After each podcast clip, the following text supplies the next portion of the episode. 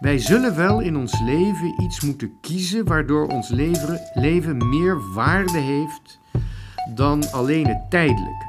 We moeten die keuze maken. Het is onvermijdelijk door de dood. Allereerst door het feit dat we bestaan en leven. In deze podcast gaat Pater Elias op zoek naar wat echt is. Hij gaat de uitdaging aan om een zo helder mogelijk beeld te vormen van hoe de wereld in elkaar steekt. Dit is de Pater Podcast.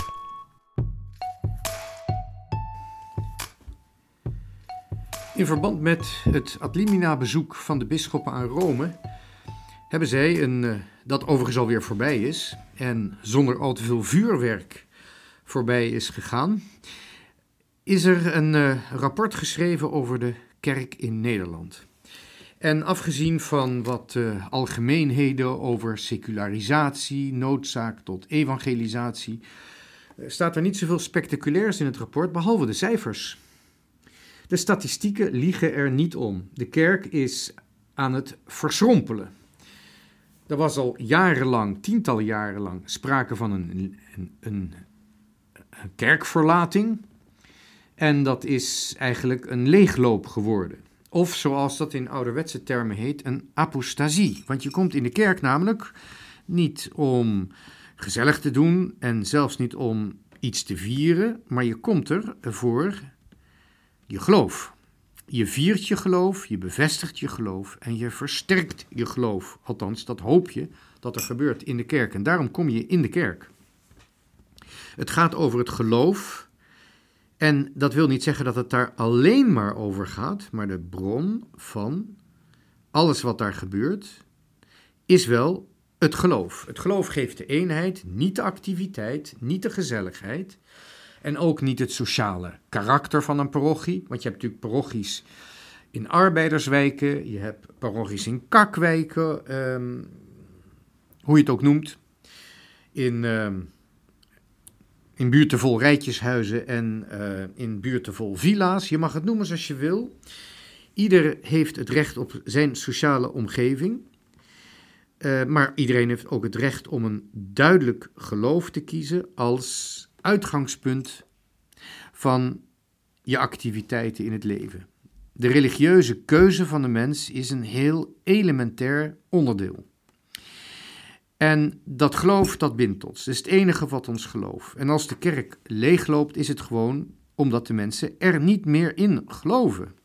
Niet omdat de verwarming te laag staat.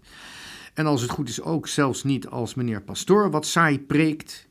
Nee, de kerk wordt verlaten als je er niet meer gelooft, niet meer in gelooft en je leven vanuit dat principe niet meer de vorm wil geven die daarmee overeenkomt.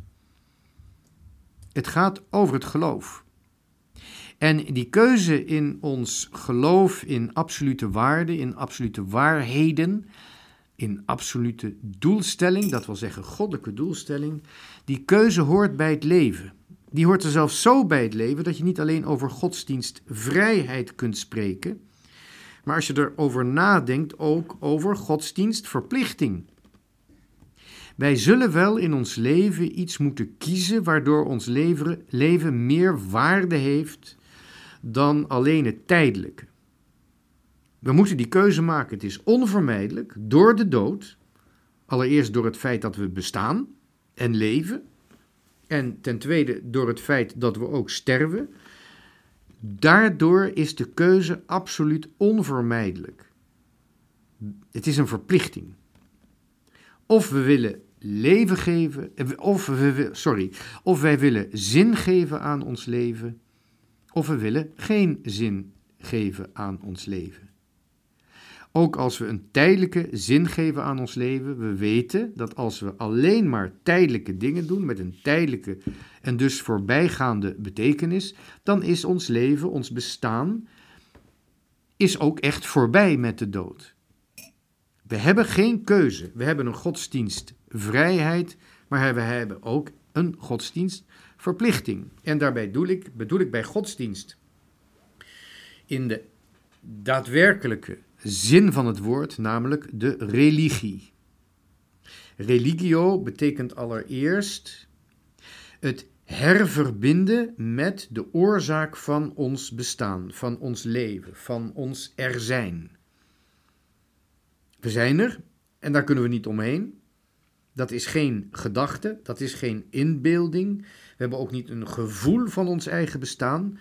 Nee, we moeten wel beoordelen dat we er zijn, dat we bestaan en dat we dat niet zelf verzonnen hebben. En religie betekent niets anders dan het opnieuw zoeken naar het verband met die oorsprong. Want die oorsprong is niet zo duidelijk, dus het zal altijd een, uh, ja, lastig zijn. Het zal veel van ons vergen om te gaan zoeken naar een manier waarop we weer in verbinding kunnen komen met de zin en de oorsprong van ons leven. En dat noemen we dan religio, oftewel het herverbinden van onszelf met onze oorsprong.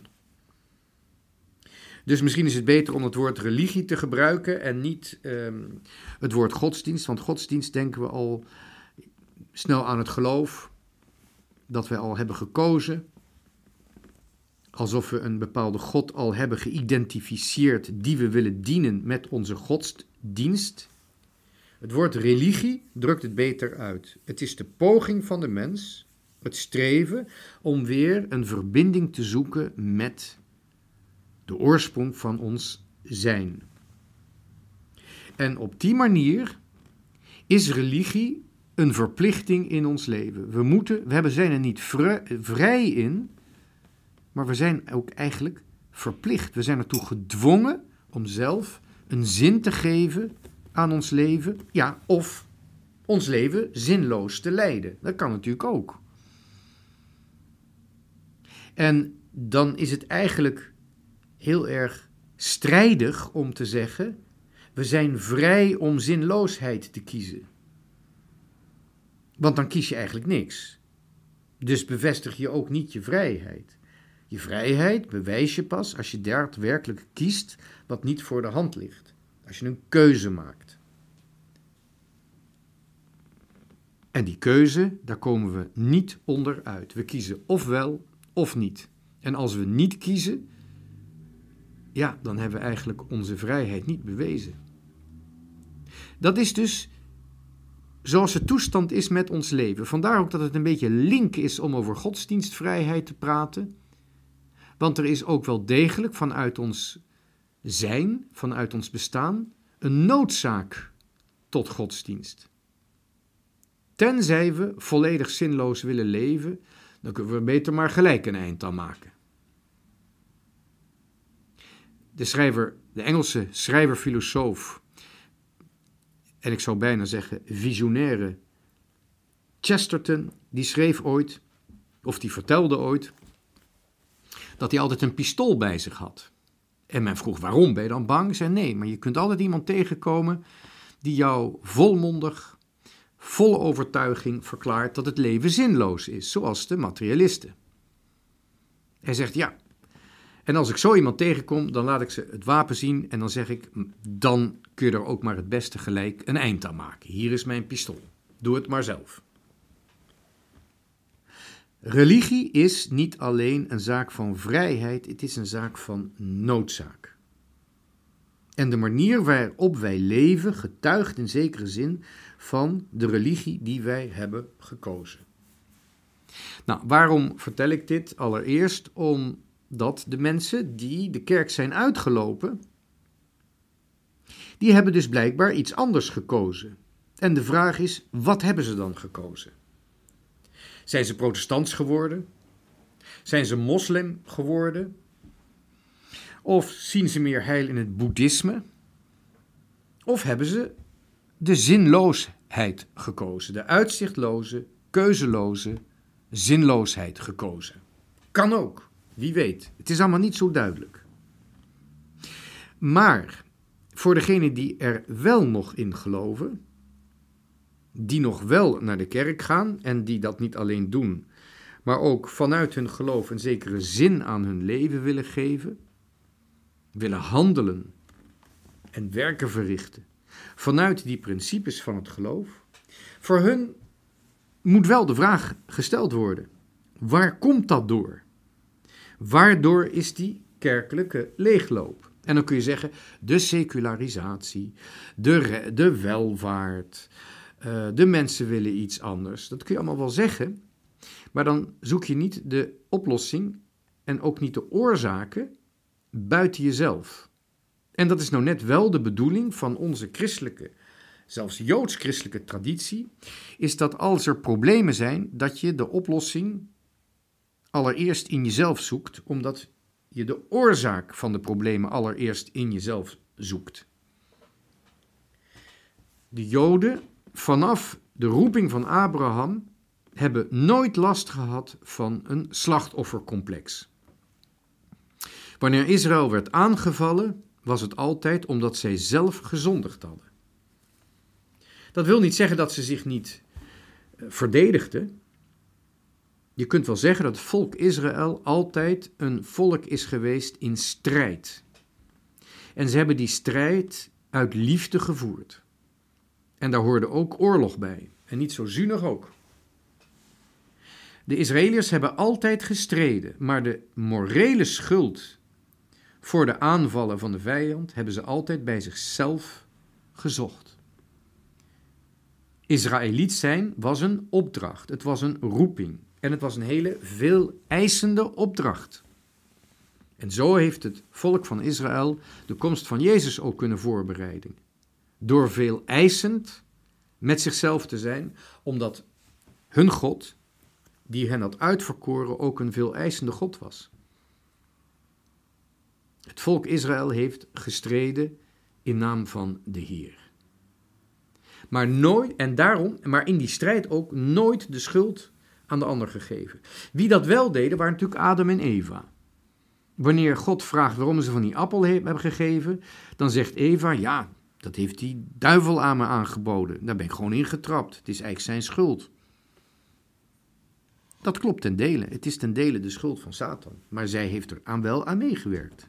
Ze kan haar verantwoordelijkheid niet ontvluchten.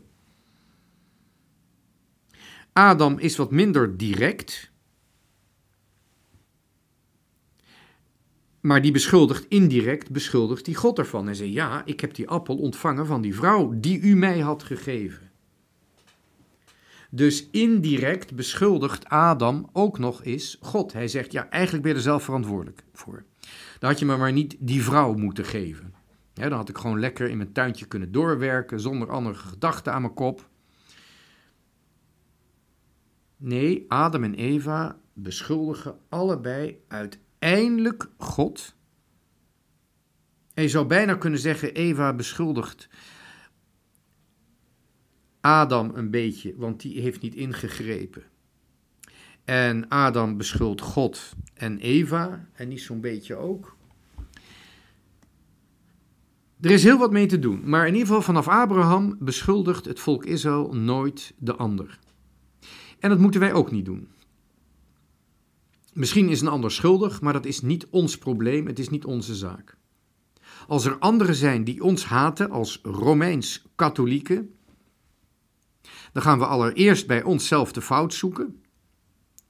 En de beschuldigingen van de anderen, die laten we aan God over. Als iemand ons haat, is dat niet ons probleem. Als wij Romeins-katholiek zijn, dan is de haat van anderen tegenover ons hun probleem. Zij hebben een probleem. Of, en dat zou ook kunnen, als wij zondig zijn geweest, als wij fout hebben gemaakt, dan hebben zij daarvoor een reden. En wij mogen onze vijanden vergeven, want dat vraagt Jezus. Maar als de vijanden Jezus niet kennen, dan kunnen ze ons ook niet vergeven. Kunnen ze niks aan doen. Als hun beschuldigingen kloppen, dan zijn die juist dus. En dat ze ons dan om onze misdaden haten, ja, daar hebben ze alle reden toe. En ze hebben, doordat ze Christus niet kennen, ook geen manier om die haat tegenover ons te overwinnen. Dus zij hebben een probleem en God heeft een probleem met hun. We moeten dus kijken naar de oorzaken van die kerkafval, die apostasie, laten we het woord gewoon maar zeggen, de geloofsafval, de apostasie, moeten we toch zoeken allereerst in de kerk. Dat is onze opdracht. Wat hebben we fout gedaan? Wat hebben we fout geleerd? Welke ideeën kloppen niet? Want die geloofsafval is zeer indrukwekkend geworden. Als dit zo doorgaat, is er gewoon, afgezien van één of twee parochies per bisdom, is er niets over van de katholieke kerk in Nederland. Op zich vind ik dat voor mezelf niet zo erg. Ik vind het wel erg voor anderen en ook voor de mensen die in het verleden zoveel hebben gegeven voor die kerk. Hun leven, hun geld, hun energie en hun aandacht. En wanneer we naar de oorzaken noemen van de apostasie, dan is het onvermijdelijk dat we daarbij betrekken het Tweede Vaticaans Concilie. Dat is misschien heel pijnlijk en het is misschien politiek of pastoraal totaal niet correct, maar we zullen toch de vraag moeten stellen. En dat is niet omdat ik krampachtig naar een schuldige zoek, maar wel omdat dat Vaticaans concilie, het Tweede Vaticaans concilie, juist met zoveel enthousiasme wordt gepropageerd. Men heeft het over de geest van het concilie, waarmee een heleboel zaken worden rechtgepraat die eigenlijk krom zijn. Men heeft het over een lente in de kerk. Maar waar is die dan? Er zijn uiteraard wel kleine plekjes geweest waar mijn eigen gemeenschap, de Broeders van Sint-Jan, ook bij hoort. Kleine plekjes te midden van de enorme geloofsafval, waar inderdaad naar mensen toe trokken om zich te sterken in het geloof, om hun geloof te bevestigen. En ik ben één van die mensen. Maar we moeten ook onderkennen dat sinds twintig jaar ook die oases van geloof binnen die postconciliaire kerk aan het opdrogen zijn. Wij hebben nog maar heel weinig roepingen. En ook de Nederlandse seminaries, die met veel hoop werden heropgericht. Het Ariënsconvict, eh, het seminarie van Rolduc, het Sint-Jans Centrum eh, in Den Bosch, Bovendonk voor de late roepingen. Het is allemaal opgedroogd. En ik geloof dat het bij de kloosters in Nederland, juist degene die een opleving hebben meegemaakt tijdens het pontificaat van Johannes Paulus II, dat het daar niet beter is. Wat is er gebeurd? Er werd zo met nadruk gezegd dat het Tweede Vaticaans Concilie het grote evenement is geweest, waarmee de kerk antwoord zal geven op de moderniteit, niet door het Vaticaans Concilie zelf. Want voor mij zijn het altijd rustige, uh, ja, eigenlijk rust uitstralende en met rust geschreven teksten geweest. Ik ben er nooit van opgewonden geraakt, maar tegelijkertijd zie ik ook wel, en zeker zoeken naar wijsheid in die documenten, en zeker realisme. Maar de manier waarop door velen het concilie als de grote uitvinding van het kerkelijk leven in de moderniteit wordt gezien, de manier waarop opgewonden wordt gepraat over de geest van het concilie en allerlei dingen worden gerechtvaardigd, die op zijn minst twijfelachtig zijn, die meer twijfel dan geloof geven, moet ik die vraag stellen? En met name over ook de jaren direct na het concilie.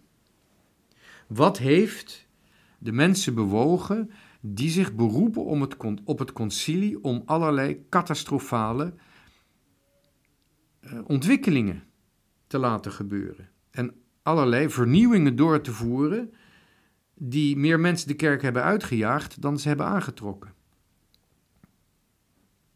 En de vraag moet gewoon gesteld worden: ligt tenminste een deel van de oorzaak ook niet in dat concilie zelf?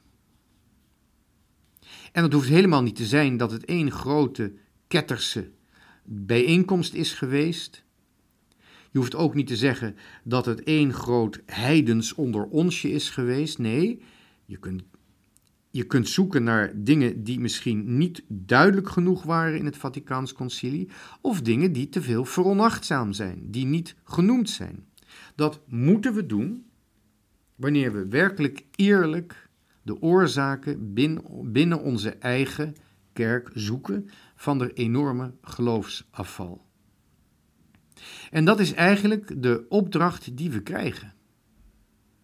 Het is namelijk niet zo moeilijk om in één, misschien wel de, de belangrijkste ontwikkeling na het concilie, om, daar, eh, om die aan te wijzen als op zijn minst niet helemaal volmaakt. En dat is namelijk de liturgische hervorming.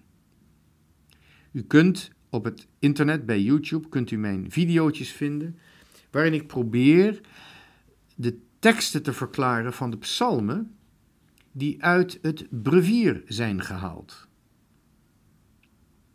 De brevier voor priesters bevat psalmen, dat is het hoofddeel daarvan zelfs, de psalmen uit het Oude Testament die al eeuwenlang door gelovigen worden gebeden.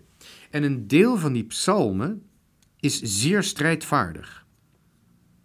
Het zijn zinnen die geïnspireerd zijn door de oorlogen die het volk van Israël heeft moeten voeren in Gods naam. En het zijn die teksten met inderdaad een behoorlijk element geweld, die uit die brevier zijn gecensureerd. En je vraagt je af waarom.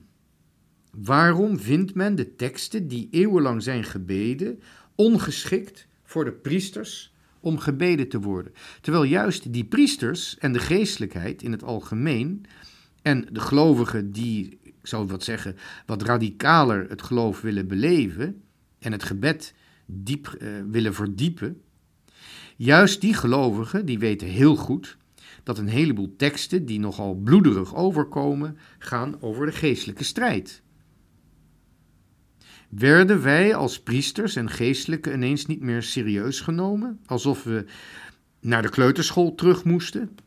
Waarom zijn die verzen uit de brevier weggelaten?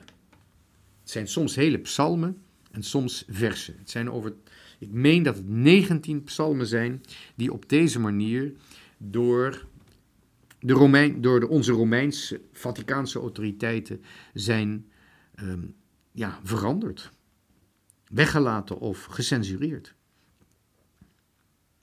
En over de liturgische vernieuwing kunnen we natuurlijk ook boekdelen gaan spreken. En ik zou het niet eens hoeven doen als er niet een ware hetze is, met name vanuit het Vaticaan, tegenover de traditionele mis. Die vier ik met veel aandacht. Het is voor mij een ontdekking geweest om die Tridentijnse mis te vieren.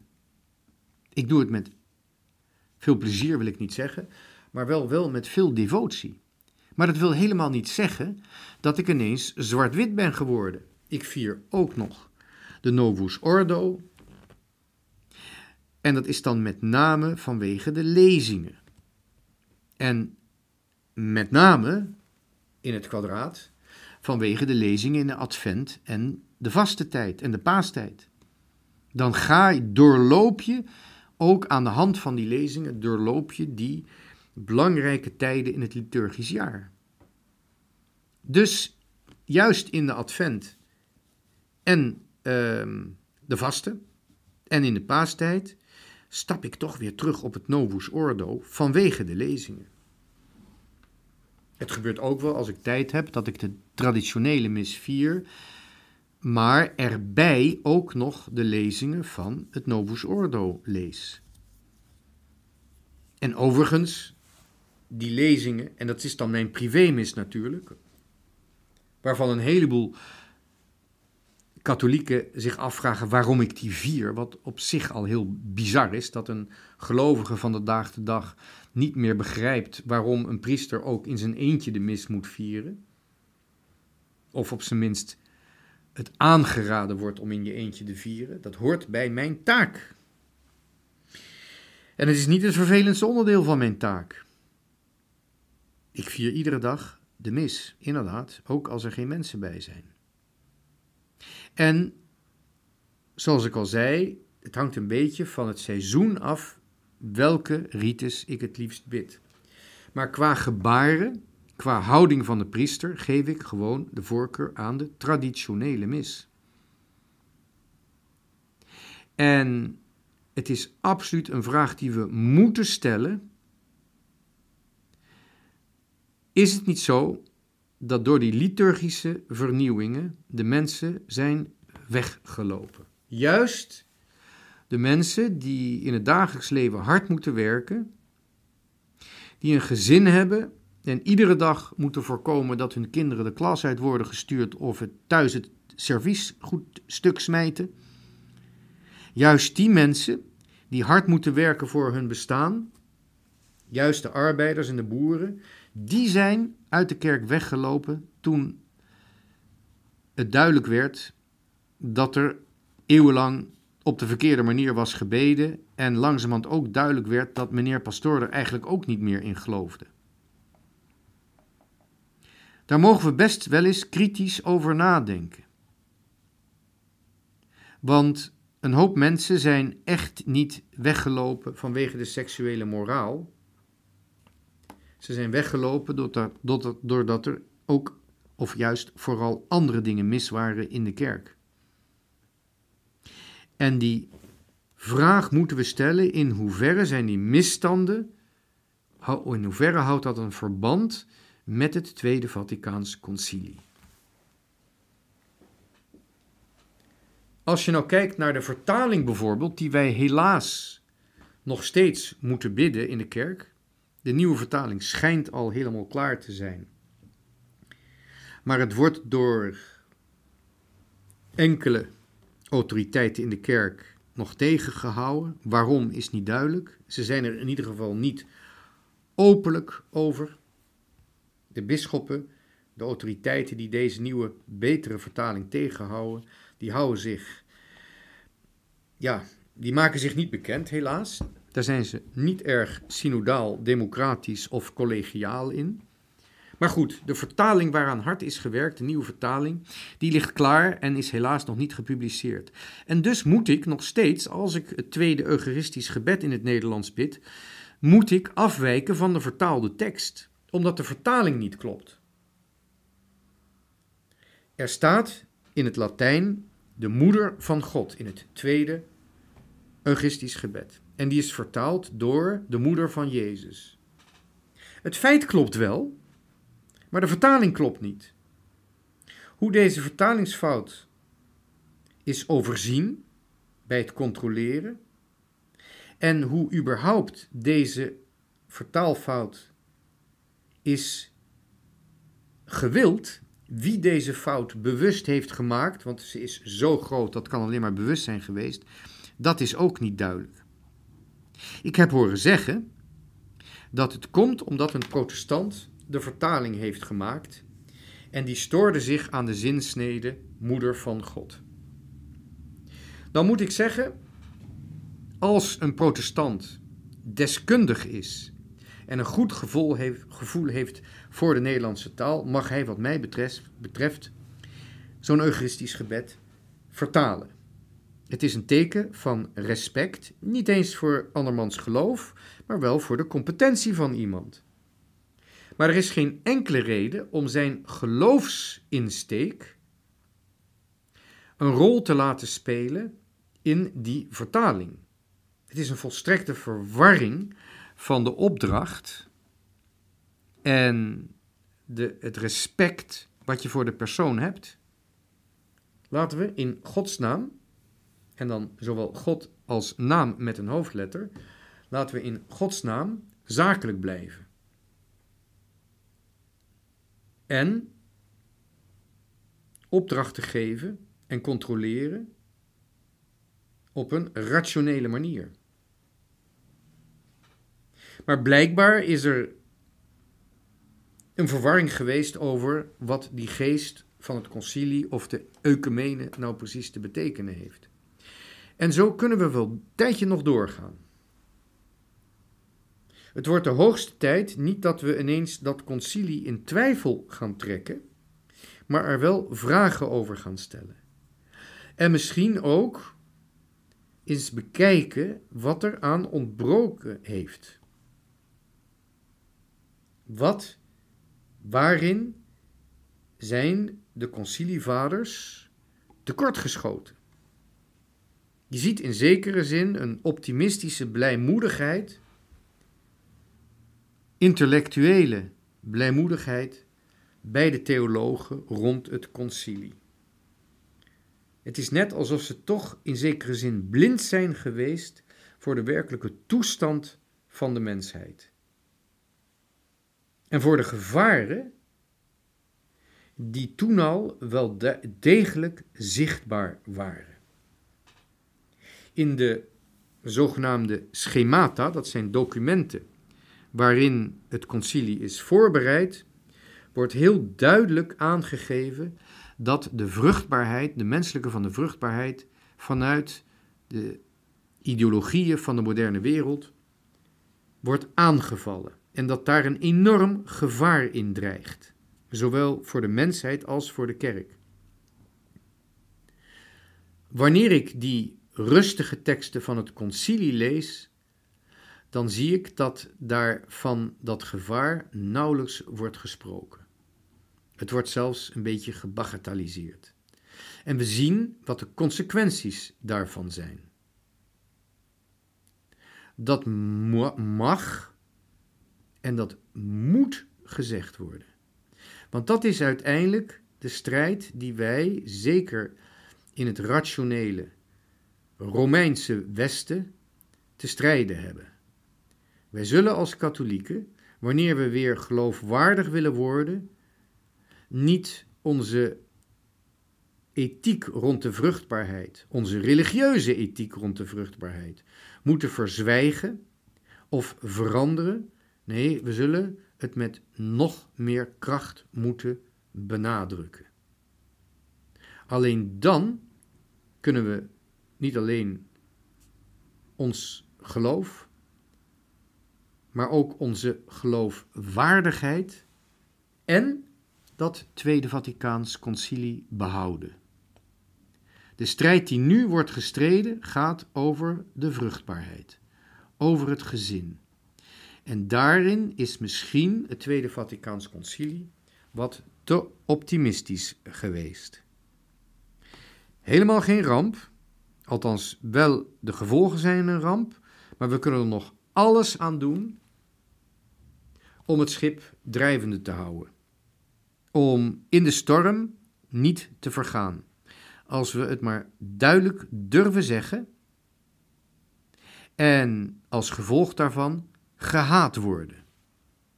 Maar als de kerk en iedereen die gelooft vandaag de dag duidelijk is over wat de wijsheid van de kerk is met betrekking op de menselijke vruchtbaarheid.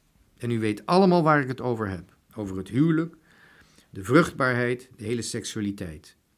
Wanneer wij weer duidelijk laten zien waar het om gaat in de wijsheid van alle eeuwen die de kerk heeft doorgegeven, dan zullen we inderdaad een tijdje gehaat worden. Maar als we het niet doen, gebeurt er nog iets veel erger. Dan zullen we geminacht worden, omdat we niet verkondigen waar we voor staan. Dan wordt het kerk wordt een circus. Of het nou een traditioneel circus is of een modernistisch circus. Maar onze liturgie wordt een circus. En we zullen geminacht worden en uiteindelijk irrelevant worden. De keuze is aan ons.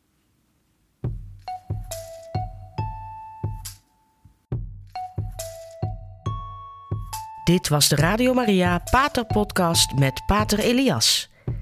Deze podcast is online terug te luisteren via de website van Radio Maria en andere podcastplatforms.